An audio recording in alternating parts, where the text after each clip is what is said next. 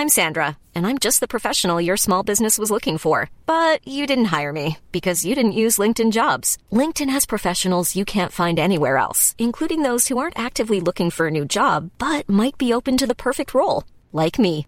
In a given month, over 70% of LinkedIn users don't visit other leading job sites. So if you're not looking on LinkedIn, you'll miss out on great candidates like Sandra. Start hiring professionals like a professional. Post your free job on linkedin.com/people today. Hey, it's Ryan Reynolds, and I'm here with Keith, co star of my upcoming film, If, only in theaters, May 17th. Do you want to tell people the big news?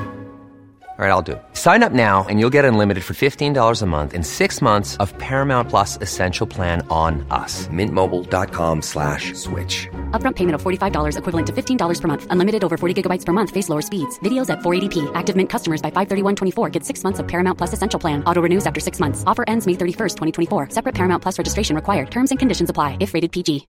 Since 2013, Bombas has donated over 100 million socks, underwear, and t-shirts to those facing homelessness. If we counted those on air, this ad would last over 1,157 days. But if we counted the time it takes to make a donation possible, it would take just a few clicks. Because every time you make a purchase, Bombas donates an item to someone who needs it. Go to bombas.com slash ACAST and use code ACAST for 20% off your first purchase. That's bombas.com slash ACAST, code ACAST.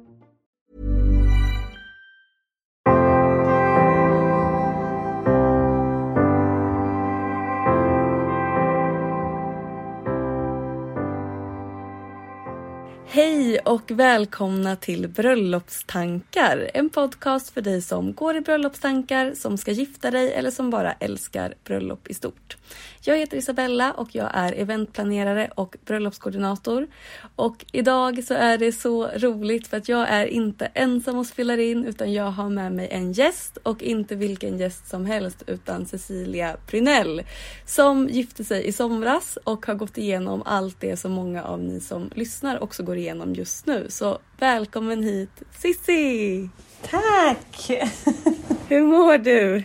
Jag mår bra tack. Hur mår du? Jag mår bra. Så roligt att du är med i den här podden. Jag är jättenyfiken på att få höra mer om dig och ert bröllop. Så kan inte du bara börja med att berätta ja, men lite om dig själv och lite om ert bröllop, hur det var och hur ni började planera? Jo, eh, eh, Sissi heter jag ju och är eh, gift med Marcus sen, sen juni. 26 juni gifte vi oss.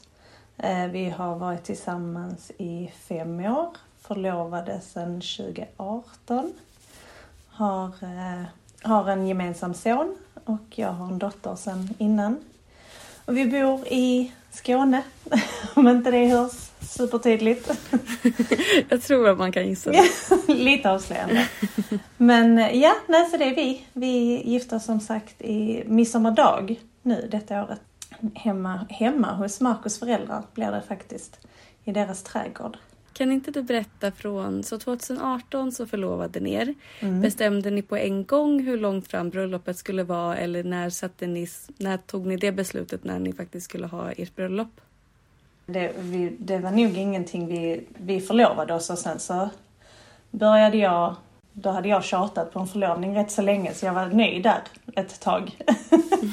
och sen så bestämde vi oss i februari 2020 att nu, nu är det dags liksom. Nu, nu tar vi tag i det. Och sen så, bara några veckor senare så kom ju hela covid-bomben. Men Just då tänkte det. vi att den, den kommer ju gå över. Det, vi var liksom inte jätteoroliga för den. Men, eh, Som vi alla trodde. Ja, lite så. Hur började ni planera? Var det självklart från början att ni skulle vara på Marcus föräldragård eller hur hade ni några andra planer från början eller hur kom det beslutet fram? Eh, vi, vår först, det första vi gjorde var att sätta ett datum. För Marcus är eh, lantbrukare så att hans högsäsong är sommaren ju. Och jag ville ha ett sommarbröllop. Så då kollade vi lite på det och insåg att vi, det fanns inte jättemånga datum att välja mellan. Så landade vi till sist i den 26 juni och då började vi kolla på kyrka. Det var, liksom, det var vår första tanke, vi ville ha ett kyrkobröllop. Så vi tog en dag och åkte runt och kollade på olika kyrkor och bestämde oss för en. Eh, och de utförde inte vigslar på det datumet så då fick vi tänka om så hittade vi en annan som vi kände att den här kommer att bli bra. Men planen var ett kyrkobröllop och sen så skulle vi ha festen i eh, en lokal som finns på Marcus föräldrars gård. De har en festlokal där. Så det var liksom bestämt, det, vi pratade inte riktigt ens om det utan det var så självklart att vi skulle vara där. Och där behövde vi inte ha något datum så utan det kunde vi ju ta när det passade oss. Hur gick planeringen? Vilka, vilka delmoment? Var började ni? Vilka andra planeringssteg gick ni igenom? Det första steget för mig var att göra ett eh, bröllopskonto på Instagram. Mm. och bara samla jättemycket inspiration och liksom börja följa varenda... Någonting som var i närheten av ett bröllopskonto. Eh, så det var mitt steg ett. Blev det nästan som en Pinterest eller var det liksom bara för att du... Ja, men lite så. Ja. Man bara samlar på sig och någonstans på vägen fick man en liten relation med väldigt många människor för att alla befinner sig i, i liknande situation liksom. Så det, det var jättemysigt att ha den lilla bubblan där. Mm. Och sen så eh, gjorde vi en prioriteringslista på mm. vad som var viktigast för oss. Liksom. Mm. Så vi visste ja, men, i vilken ände vi skulle börja och eh, vart vi ville lägga pengarna. Ju. Mm. Det är den, den biten också. Precis, och det tycker jag är ju ett jätte... Det vet nog de som lyssnar att jag tycker att det är ett jättebra ställe att mm. börja på. Men kan du inte berätta lite, vad hade ni för prioriteringar från början och tycker du sen att det var det som var det viktigaste när det väl var dags? Ja, men jag tycker nog att det stämde överens rätt så bra. Vi hade eh, mat och dryck, alltså så bröllopsfesten var liksom det viktigaste för oss båda två. Och sen hade jag som supertopp prioritering fotografen. För att jag, det var jätteviktigt för mig att, att minnena fick leva kvar efteråt. Att det skulle fångas på ett bra sätt liksom. Mm. Så att, eh, ja men så maten, drycken, fotografen var väl det som var absolut topp. Och det är det jag är supertacksam för eh, än idag, liksom, några månader senare. Så det blev jättebra. Och i det första skedet där, hur var det saker från början som ni inte riktigt var ensom och hur löste ni, hur löste ni det i så fall? Nej, vi var faktiskt löjligt överens. Jag, var, jag hade nästan gått in i sån här eh, stridmode och bara okej okay, nu ska jag kämpa för min sak, vi, vi kommer bli ovänner nu. Men det, det, var, det blev så bra för det var liksom, ja men det är viktigt, det är viktigt, det är oviktigt, yes och så går man vidare. Så att för oss var det faktiskt inga problem. Konstigt nog. Nej men det är jättehärligt att höra. Så då hade ni prioriteringarna och började prata mycket om det. Ja. Från, från att man har pratat om det då och liksom satt att ah, men nu vet vi ungefär vilken typ av bröllop vi ska ha. Vilka, vilka var de första bokningarna ni gjorde och hur kom ni igång med själva planeringsarbetet? Jag är en sån som lever mitt liv eh, två år framåt hela tiden. Så att jag älskar ju framförhållning och planera och så. Så jag, eh, vi kontaktade fotograf, det var det första vi bokade. Mm. Och sen så kontaktade jag eh, hon som sjöng på vårt bröllop. Och sen så kontaktade vi cateringen. Så att de liksom, de stora delarna, det gick ganska så fort. De hade jag inom typ en månad, var allting fixat. Så då kunde jag slappna av igen efter det, för det var ju det. Sen mm. är det inte så mycket mer att lösa. Nej, jag upplever också det ofta att jag börjar planera, då är det ganska mycket. Mm. Och sen så är det nästan som en liten paus. Och sen så liksom sätter man igång igen för att börjar man gå in för mycket på detaljer redan i början så kan det också bli lätt att man ja, men kanske ändrar lite smak eller man känner så här, men det där som jag var jättesugen på, ja men den där nyansen på ljusen som jag var jättesugen på i början, det kanske jag inte alls kände för sen. Så jag brukar faktiskt försöka att så här, pusha det där lite, inte allt för sent såklart, men att man ändå kan ha ett litet andrum och känna att så här, okej, okay, vi är på god väg. Men i det andrummet så är det ganska vanligt att brudparen blir så här, ja men vad ska vi göra nu då? Vad ska vi göra nu? För att man liksom är så van att man ska checka av någonting hela tiden.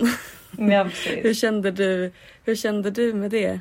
Ja men det var så i perioder. Man bara, nu har vi ingenting att göra. Och det kan ju inte vara bra. Det måste ju betyda att vi har missat någonting.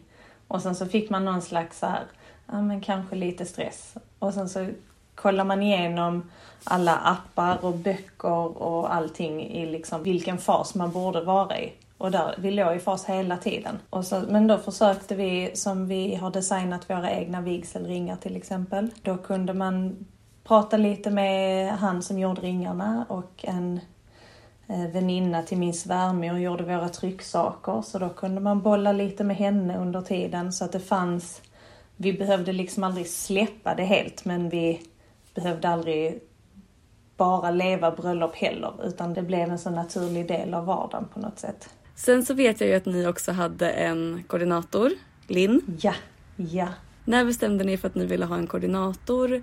Eh, var det ett lätt beslut att ta? Var det någonting specifikt som fick er att känna att det var någonting för er? Eh, jag hade supertur och vann en eh, konsultation, heter det va? Mm. Med Linn på Instagram. Eh, så vi fick ha ett litet möte där. Och där vi liksom, ja men hon, hon kom med idéer och hade liksom gjort någon sån här moodboard och jättefint. Och så vi bara satt och pratade i lite mer än en timme. Och sen så när vi la på så sa jag till Markus att jag behöver Linn i mitt liv. Ja. jag kommer behöva att hon är med på vårt bröllop och fixar detta för det kändes så, så himla bra. Alltså det kändes så tryggt och det var precis, alltså, precis det jag ville ha. Att jag fick lov att göra hela planeringsbiten själv. Men jag hade alltid någon som visste väldigt mycket att bolla med om det skulle vara någonting. Och sen så att hon styrde upp hela bröllopsdagen och gjorde den så, så perfekt. Och så, jag kommer aldrig sluta vara tacksam för Linn. Så att det var inte ett svårt beslut alls och jag är så glad att vi gjorde det och jag rekommenderar alla att ha en bröllopskoordinator. Vad glad jag blir att höra det också. Men jag har också pratat mycket med Linn och hon är fantastisk. Ja, jag kan bara verkligen. skriva under på det. Så när i processen kom hon in i planeringen? Var det mer mot slutet? Var det i början? Nej, hon kom in ganska tidigt, nio månader innan kanske. Så hon fanns liksom, hon fanns ju som ett bollplank under nästan hela planeringen. Och sen så sista veckan så tog hon över allt med alla leverantörer och gjorde tidsschema och jag kunde bara precis koncentrera mig på att inte tappa huvudet. Det är ju någonting som jag, det brukar jag också säga att så här, sista veckan att man ska öva på att vara i nuet. Kände du att du Mm. kunde vara i nuet eller var det, det, var det en utmaning? Alltså jag har ju jättesvårt för det. Mm. För att jag är jag liksom.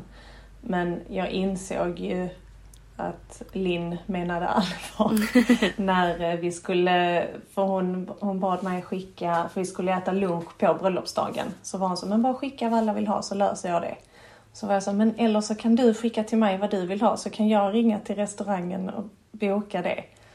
Så, för att jag vill inte heller vara till besvär. Hon bara, nej, alltså det, det är en del av mitt jobb är att göra detta så nu bara tar du ett steg tillbaka. Så då insåg jag att okej, det måste jag göra för att det här, det här är ju hennes jobb ju. Så att det var inte helt lätt men när man väl insåg det så var det väldigt, väldigt skönt att kunna göra det. Jag har också haft brudar som har kommit till mig på sin bröllopsdag och sagt Har du ätit ordentligt? Har du druckit ordentligt? Och man så här, Tänk inte på mig. det är jag som ska tänka på dig. När man menar ju så väl men det blir så tokigt. ja, men det är väldigt roligt. Det är fint också, men det är liksom fel, Mm. Ja, fel fokus. ja. Var det någonstans i planeringen, var det någonting som gjorde det, förutom nu då, om vi ska bortse om det, om det går att bortse ifrån, men eh, covid. Var det någonting annat som var svårt att komma fram till? Var det någon annan del av planeringen som var liksom komplicerad eller som gjorde att ni, som inte var som ni trodde kanske? Nej, alltså det var ju det uppenbara som du sa. Annars var det... Vissa saker Mm. hade jag lite svårt att landa i för att jag, jag ville så gärna att det skulle bli bra. Så att jag var så rädd att jag hade fattat fel beslut. Som vad då till exempel? Som till exempel fotografen. Jag var verkligen så att, "Åh, blir det här bra? Och då har jag sett hans jobb och var så här, det är klart att det blir jättebra. Jag har varit gäst på bröllop där han har fotat. Och sett honom jobba och det, det var jättebra. Men jag var ändå så här, det här är är en av de viktigaste dagarna i mitt liv. Det måste bli bra. Tänk så blir det inte det. Och sen så träffade vi honom och hade en provfotografering. Och då var jag så här, det här blir jättebra. jag behöver inte oroa mig längre. Så det var väl mer det här att landa i sina beslut. Att inte oroa sig hela, hela tiden. Och det kan ju verkligen vara ett tips tänker jag till de som ska gifta sig nu. Att om man känner sig just med fotograf. Att det vet jag är en sak som många tycker är väldigt svårt att bestämma sig för om man vill träffa rätt. Att dels att titta på deras hela portfolio, inte bara gå in på hemsidan där de kanske lägger upp sin, sin egna portfolio eller på sin Instagram där man liksom väljer ut sitt bästa utan att kanske be om att få titta på ett helt liksom, referensbröllop för att verkligen få se så här, ja, men är det en person som är bra på att både fånga upp när liksom, jag får en klapp på kinden av mormor och när vi tar first look. Eh, så att man liksom får en hel referens. Men också som du sa att man eh, tar en provfotografering eller en förlovningsfotografering eller någonting där innan så att man liksom känner att man har, har hittat rätt. Det tycker jag är ett jättebra tips.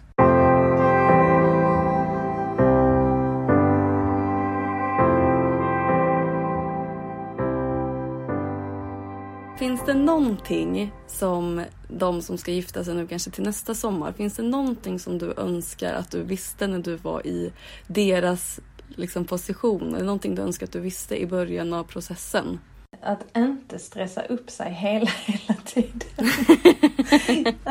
Nej men att Jättebra allting tips. löser sig. Alltså det blir, Mm. det kommer, det kommer bli jätte, jättebra. Även om det inte blir exakt så som det var tänkt. Så, så krävs det rätt så mycket för att ens bröllopsdag inte ska bli superfin. Mm. För det är någonting med den här dagen. Så även om, ja men även om någonting skulle bli tokigt. Som våra, de som serverade på vårt bröllop, de eh, råkade servera dessertvinet som vitt vin till de som inte ville ha rött vin. Mhm. Men det, de drack det och var glada ändå. Så det var liksom, det var inte hela världen. Nej. Och det var inte någonting jag märkte av för att jag Nej. satt där och var upptagen med att njuta av min dag. Liksom. Mm. Så att, att, inte, att inte stressa upp sig och försöka Mm. njuta för att det är rätt så roligt att planera bröllop också. Mm. Ja, det om det, det. bara klaffar. Om man vågar, om man vågar njuta av det så, så är det faktiskt väldigt mysigt. Var det, var det någonting annat som gick liksom eh, lite fel eller lite tokigt som, som du vet om? Linn kanske vet fler saker som, som aldrig har nått dig. Men jag tänker, finns det någonting som, någonting som du vet om som gick fel? Ja, alltså, jag, jag tycker bara detta är jätteroligt. Jag vet att jag och Linn har pratat om det lite grann. Hon tyckte inte det var lika kul. Men eh, vi, innan vi eh, gick till, alltså innan vi i Vegas gifte oss så eh, var vi iväg och fotades och då hade jag och Markus tagit på våra ringar för att ja, men, ha med dem på fotona liksom. Eh, och sen så var vi några minuter sena när vi kom tillbaka så att det blev liksom rätt så såhär, okej ställ upp er och nu får ni gå in. Så att vi glömde ta av oss ringarna. så att när vi står där framme, alla gästerna är där, vigselförrättaren har börjat prata. Så tittar jag på Markus och ser jag hur han klappar på sitt ringfinger. Så just det, vi har ringarna. Inte börja krångla av den Så liksom. försökte lite så diskret. Ja, men lite så diskret där, för då var det Markus bror som skulle ge oss ringarna. Så så försöka få av dem där och sen så då få tag i Markus ring och sen försöka ge dem till honom. Eh, och precis då är det så, åh nu ska vi byta ringar.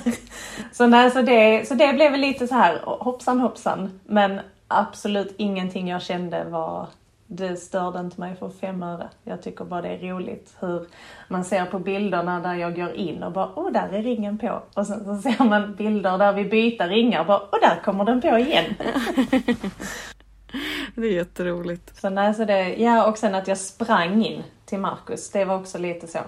Du sprang in, du får du berätta mer. Jag önskar att jag hade tagit lite tid. Ja, men jag gick så väldigt, väldigt fort. Jaha. Jag önskar att jag hade halverat hastigheten och lite njutit av ögonblicket. Men jag ville verkligen, verkligen bara fram. Om man ser på något klipp hur jag liksom, ja men det ser ut som jag joggar nerför gången liksom. Skulle fram och gifta mig, jag hade inte tid att gå där. Ja, det var, det var ivrig att få bli fru. Det var väldigt fint det också i och för sig. Ja, precis. Finns det någonting som du hade förändrat om du hade gift dig, om vi säger att du skulle gifta dig nu till sommaren igen och du började planera ditt bröllop nu. Finns det någonting som du hade ändrat då? Hade du gjort en copy-paste direkt, samma igen? Det enda jag hade gjort om jag hade fått en möjlighet var att vi hade ju mobilförbud på, eh, under vigseln för vi ville att, ja, men, att gästerna skulle vara där och vi ville inte ha massa mobiler med på alla foto. Så vår vigselförrättare sa till innan vi kom in att så låter vi telefonerna ligga. Eh, jag önskar att jag hade bett någon filma när eh, Julia sjöng. För vi har ingenting från när hon sjöng. Eh, så det kan jag vara lite så, åh, ja, mm, hon sjunger så fantastiskt så att det hade varit kul att få, få lyssna på det i efterhand också. Men det är bara sånt litet, alltså det är liksom ingenting som som stör på det sättet. Det kan ju också vara ett bra tips att om man inte har en till exempel videograf eller att ens fotograf också filmar, att sätta upp det kan vara liksom en ganska, det behöver inte vara någon jättehög kvalitet, men att sätta upp en mobil och filma själva vigseln kan också vara ett väldigt fint minne, så det kan ju vara ett, ett tips, tänker jag, till de som ska gifta sig nu till sommaren. Ja, för nu hade vi videograf också. Eh, så vi hade både foto och video.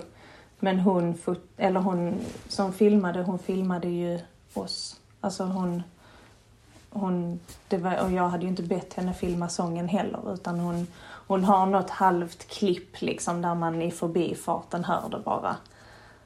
Men så jag hade nog velat ha, ja men bett någon gäst bara lite diskret. Bara filma när hon sjunger liksom. Men annars, annars så så blev det mm. jättebra. Det, där, det var intressant att du tog upp det där med unplug. Jag brukar också ofta rekommendera det. Bara kanske förtydliga vad det innebär. Det är alltså att man har ett akustiskt bröllop, att man inte har mobilerna uppe. Att inte gästerna ska liksom sitta i sina mobiler eller filma utan att de också ska vara i stunden.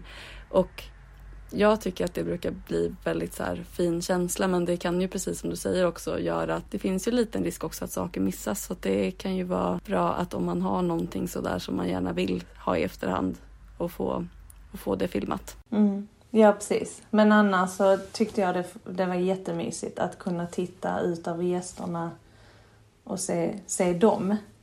Att liksom kunna få ögonkontakt med, med sin barndomskompis eller med kusinen. Alltså att man, man såg alla. Att det inte var telefonen man såg liksom. Så det, det kan jag rekommendera. Vad tycker du var det bästa med att gifta sig då? Ja, så förutom det uppenbara att bli liksom Markus fru så jag älskade ju First Look.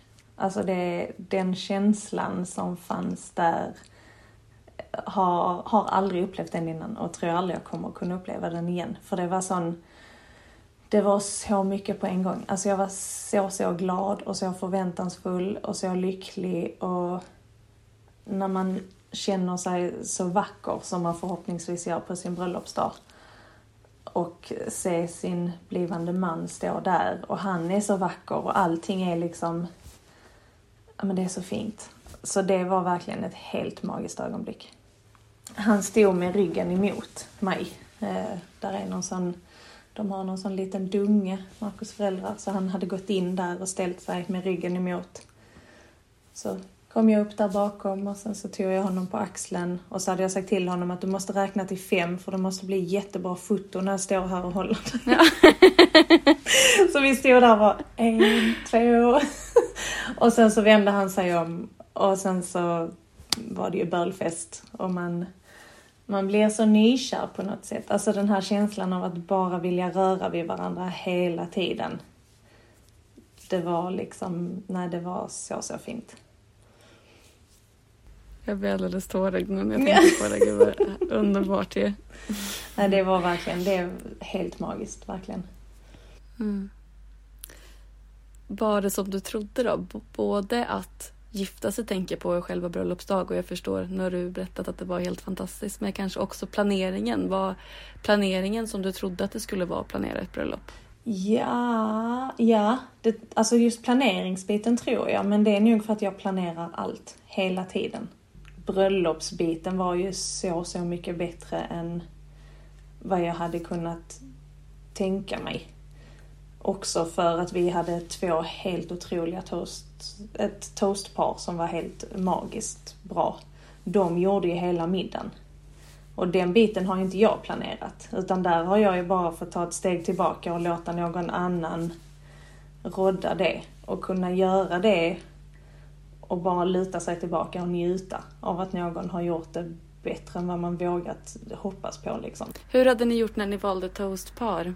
Var det, hur, var det långt innan ni bestämde och hade ni gett dem några som helst liksom, förutsättningar eller några önskningar eller var allting bara helt fritt upp till dem? När vi, eh, vi valde Markus eh, storebror och hans flickvän. Vi frågade dem, ja, jag är egentligen sån som vill ge massa presenter och överraska och det skulle vara liksom stort och lådor med liksom frågan, vill ni bli vårt toastpar och så här. Men så visste vi att de hade jättemycket själv med jobb och de hade börjat prata om att gifta sig. Så det var liksom så mycket för dem. Så vi fick ödmjukt så här, om ni skulle kunna tänka er att klämma in detta i ert liv så hade vi varit jättetacksamma. Men kan ni inte så har vi också full förståelse. Så att vi ville liksom inte sätta någon press på dem genom att göra en så stor grej av det. Eh, men så sa de att de gärna gjorde det. Och det, vi frågade dem, ja men typ ett år innan bröllopet. Så att det var också en av de första grejerna vi fixade. Och det enda vi sa till dem var att vi vill ha fest. Vi vill ha kul och vi vill liksom... Det behöver inte vara något stelt utan de två är supersociala och superbjussiga på sig själv liksom. Så därför så kändes det som att vad de än gör så blir det bra. Och sen blev det ännu bättre. Var det någonting speciellt om, eh, finns det något sånt moment som du kommer komma ihåg extra mycket från dem som toastpar? Men det var typ allt. Alltså de hade verkligen tänkt på, på allt. De hade eh, istället för eh, att gå igenom regler så här, ja men nödutgång där, toalett där. Då åkte vi på någon flygresa med dem liksom. De stod där, hon Lovisa stod och pratade och Filip visade med händerna så som flygvärdinnor gör och de gjorde det med sån humor. Och sen så hade de lekar och det var tal och det var... Både jag och Markus är olämpligt beroende av Celsius. Så när vi kom tillbaka från vår golden hour-fotografering så stod det varsin Celsius till oss för att vi skulle få ny energi. Alltså det var liksom, de hade tänkt på precis allt. Och det var så himla, då blir man också helt så här kär för att det finns människor som vill göra så fina saker för en. Och så blir man supertacksam och det vet jag vi kände, sa vi, för vi satt själv, jag och Markus, eh, Eh, under middagen. Och det var flera gånger vi bara sa, alla här, de är här för oss. Och de, oh, de har kul och de verkar trivas här och de kom fram och pratade och det var liksom allting bara, det var så mycket kärlek hela, hela tiden så man var helt slut på natten och bara jag måste sova nu, jag klarar inte mer. Hur var det beslutet att ta att ni skulle sitta själva? För det kan också vissa tycka är lite så läskigt hur man ska göra placering med till exempel honnörsbord eller om man ska sitta vid ett runt bord till exempel. Var det självklart eller hur kom ni fram till det? För, eh, för mig så var det rätt så självklart. Båda mina föräldrar har gått bort. Så det blev liksom sån, sån stel grej. Ska Markus föräldrar sitta där och så ska jag sitta själv med min syster? Eller ska vi, ska vi sitta med brudföljet bara? Men då min hederstärnas pojkvän, då ska han sitta själv någonstans för att han känner inte så många här. Och det var alltså... Så vi bestämde ganska snabbt att nej men vi sitter själv. För att jag Marcus är liksom, det är honom jag landar hos. Det är där jag tankar energi om det är någonting.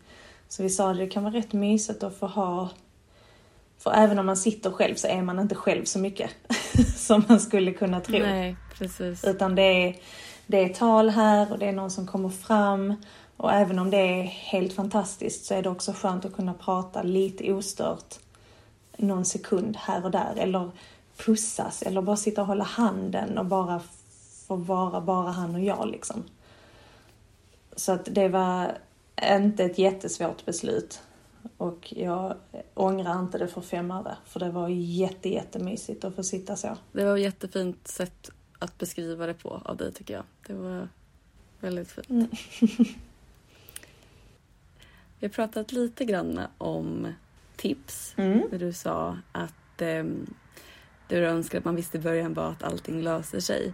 Finns det några andra tips som du skulle vilja ge om den, ja, till de som håller på att planera sitt bröllop just nu? Ja men det är nog lite, eh, du var inne på det innan, att inte börja med vissa saker varken för sent eller för tidigt. Att man hittar någon slags eh, balans där. Jag köpte till exempel mina skor innan jag köpte min klänning. För jag tänkte att de kommer jag vilja ha för de är jättefina. Och sen köpte jag min klänning och då passar inte det ihop alls. Nej. Så då fick jag gå och köpa nya skor ju. Mm. för att det skulle passa in.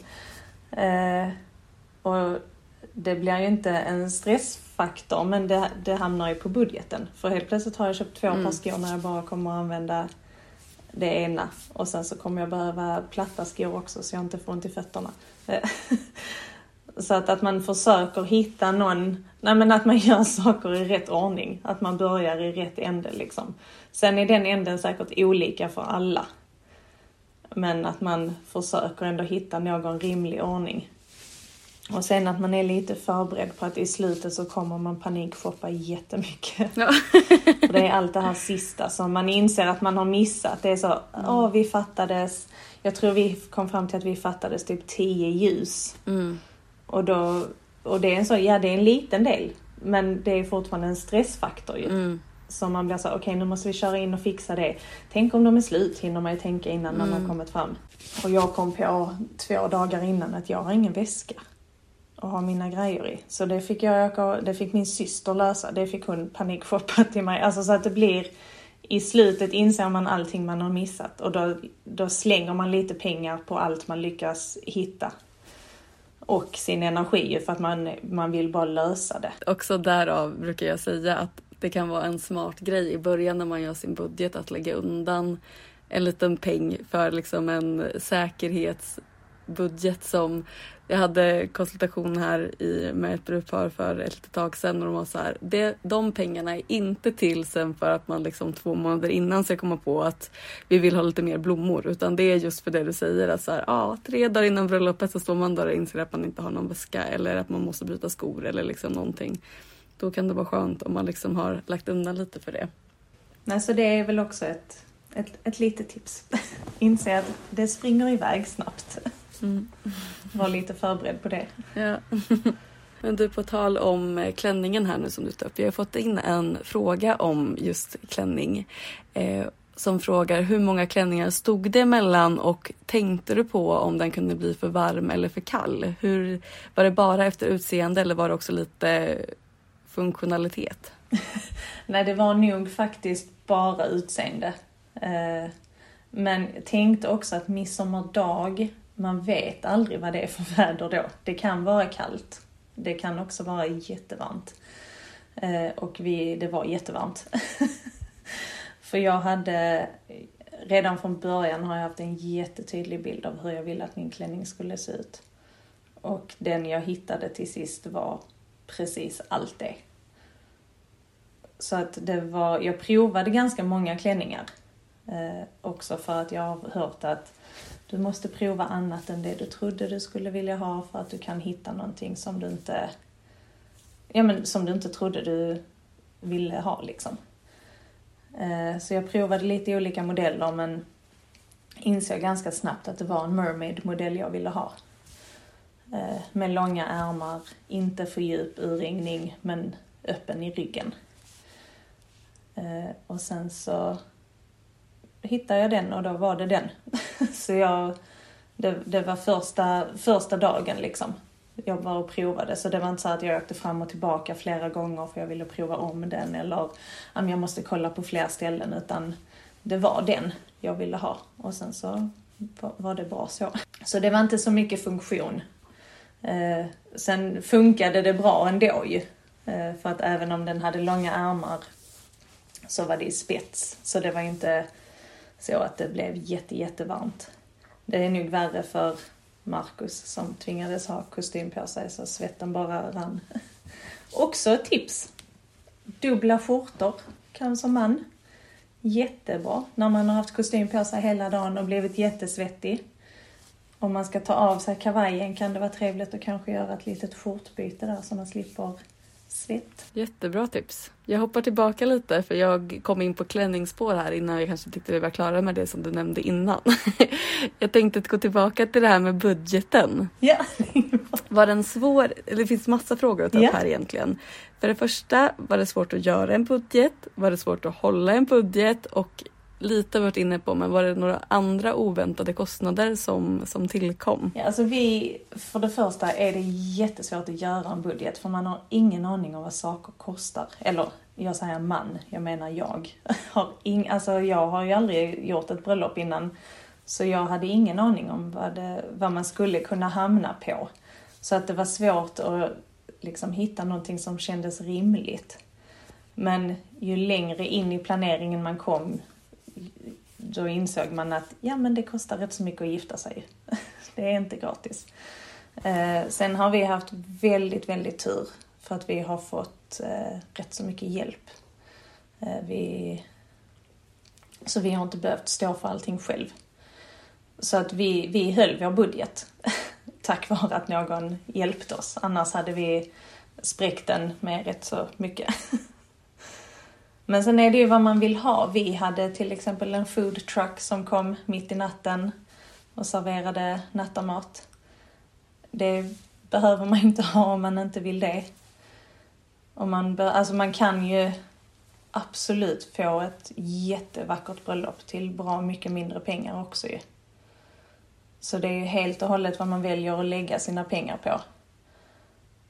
Men jag tycker det är svårt att hålla en budget i allt. Jag är jättedålig på att hålla i pengar.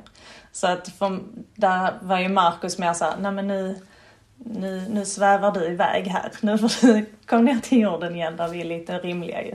Men det, det, jag tror det är rätt lätt att man vill ha allt. När man väl har kommit in i det säger man, åh jag vill ha det och jag vill ha det och det ska vi ha och det var jättefint. Fanns det något tillfälle när det var så här, okej, tar vi det här beslutet nu, då vet vi att vi spräcker budgeten. Fast ni kanske fick hjälp då, men fanns det liksom något så här avgörande till exempel, men vi vill gärna ha en food truck så det får bära eller brista då. Ja men det var nog där. Det var där. det var där. Och då, var, då hade vi redan liksom, ja men vi hade redan gått över det lite grann. Men det var ändå så här, ja, men vi, det, det är lugnt, det går bra. Men ja okej, nu går vi över den ännu mer. Så, Eh, så det var väl där det, det sprack. Men tyckte ni att det var värt, det var värt den extra prislappen? Gud ja. Alltså det var, dels är det ju bara en jätterolig grej. Eh, och sen så var maten supergod och vi har fått höra så gott om det efteråt från gästerna att de tyckte det var jätteroligt och jättegott. Och, så då kändes det jättevärt det helt plötsligt.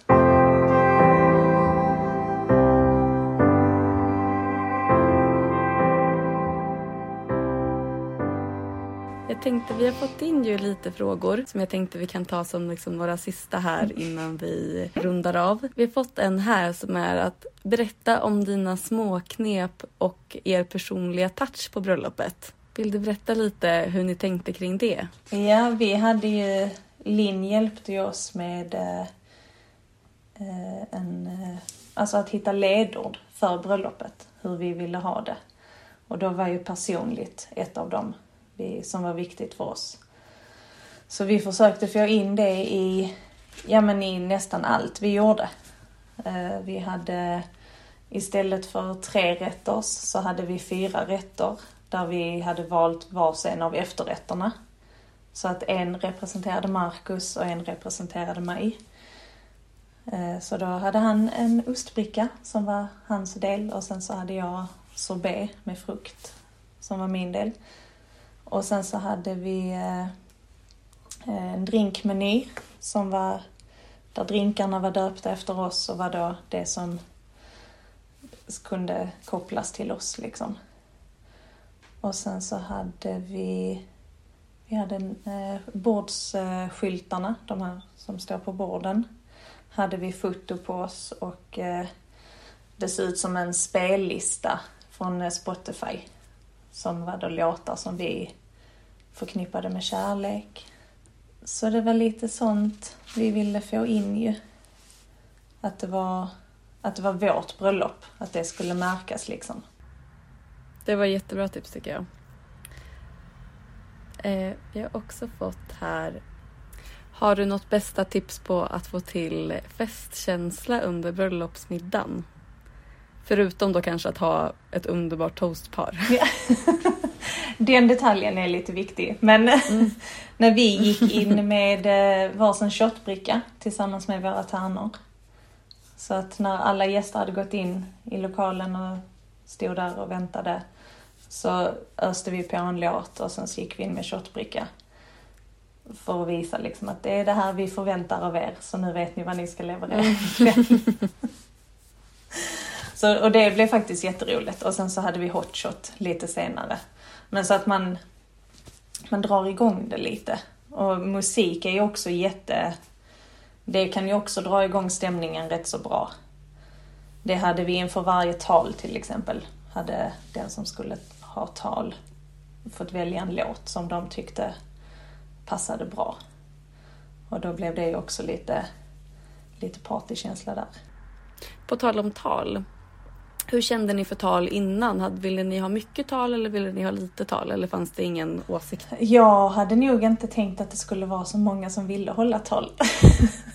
Tänkte att ja, men det är väl min syster och Marcus föräldrar, kanske någon kompis. Men att det skulle vara, ja men det skulle inte bli så mycket liksom.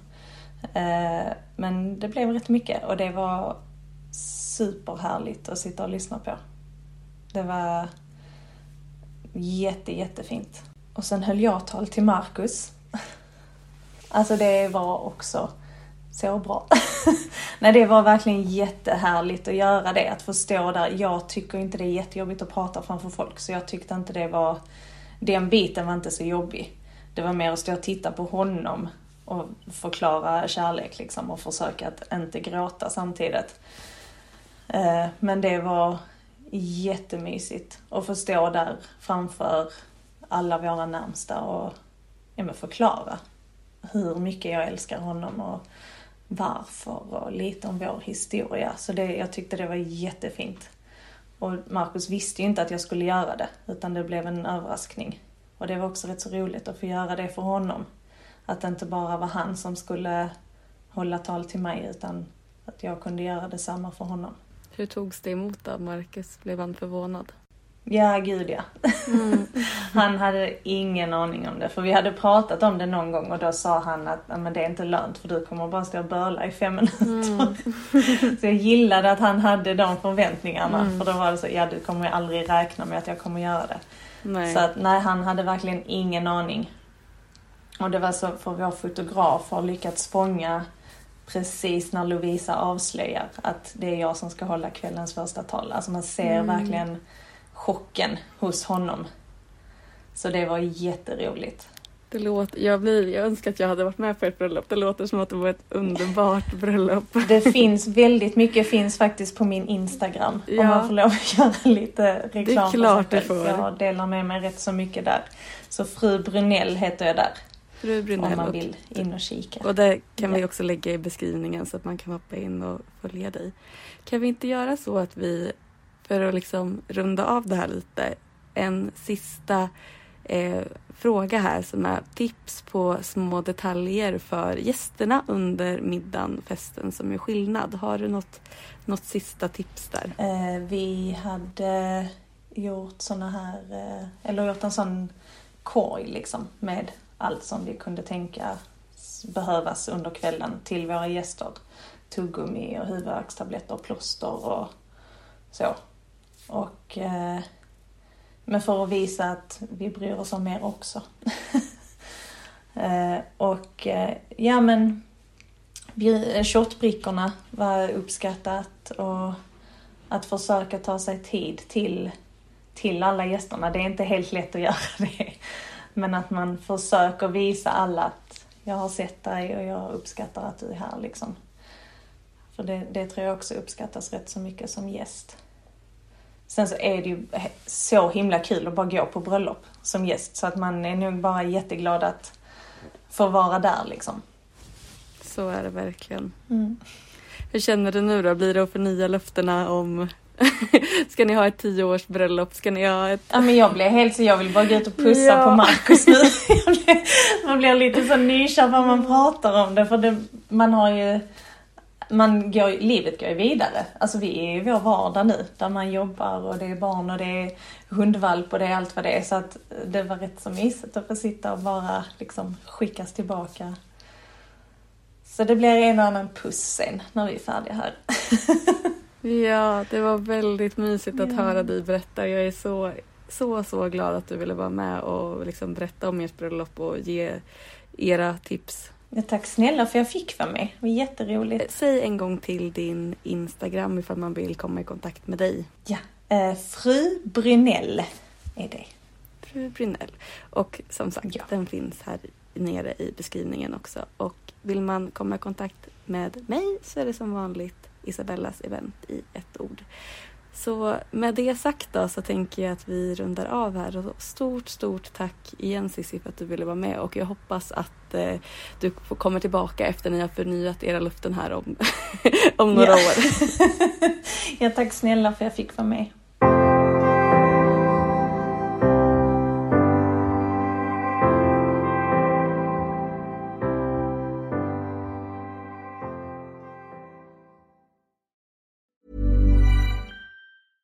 Mom deserves the best, and there's no better place to shop for Mother's Day than Whole Foods Market. They're your destination for unbeatable savings, from premium gifts to show-stopping flowers and irresistible desserts. Start by saving 33% with Prime on all body care and candles. Then get a 15-stem bunch of tulips for just $9.99 each with Prime. Round out Mom's menu with festive rosé, irresistible berry chantilly cake, and more special treats. Come celebrate Mother's Day at Whole Foods Market. Imagine the softest sheets you've ever felt. Now imagine them getting even softer over time. That's what you'll feel with Bowl and Branch's organic cotton sheets. In a recent customer survey, 96% replied that Bowl and Branch sheets get softer with every wash. Start getting your best night's sleep in these sheets that get softer and softer for years to come. Try their sheets with a 30-night guarantee. Plus, get 15% off your first order at bowlandbranch.com. Code BUTTERY. Exclusions apply. See site for details. Planning for your next trip? Elevate your travel style with Quince. Quince has all the jet setting essentials you'll want for your next getaway, like European linen, premium luggage options, buttery soft Italian leather bags, and so much more. And is all priced at 50 to 80% less than similar brands. Plus, Quince only works with factories that use safe and ethical manufacturing practices.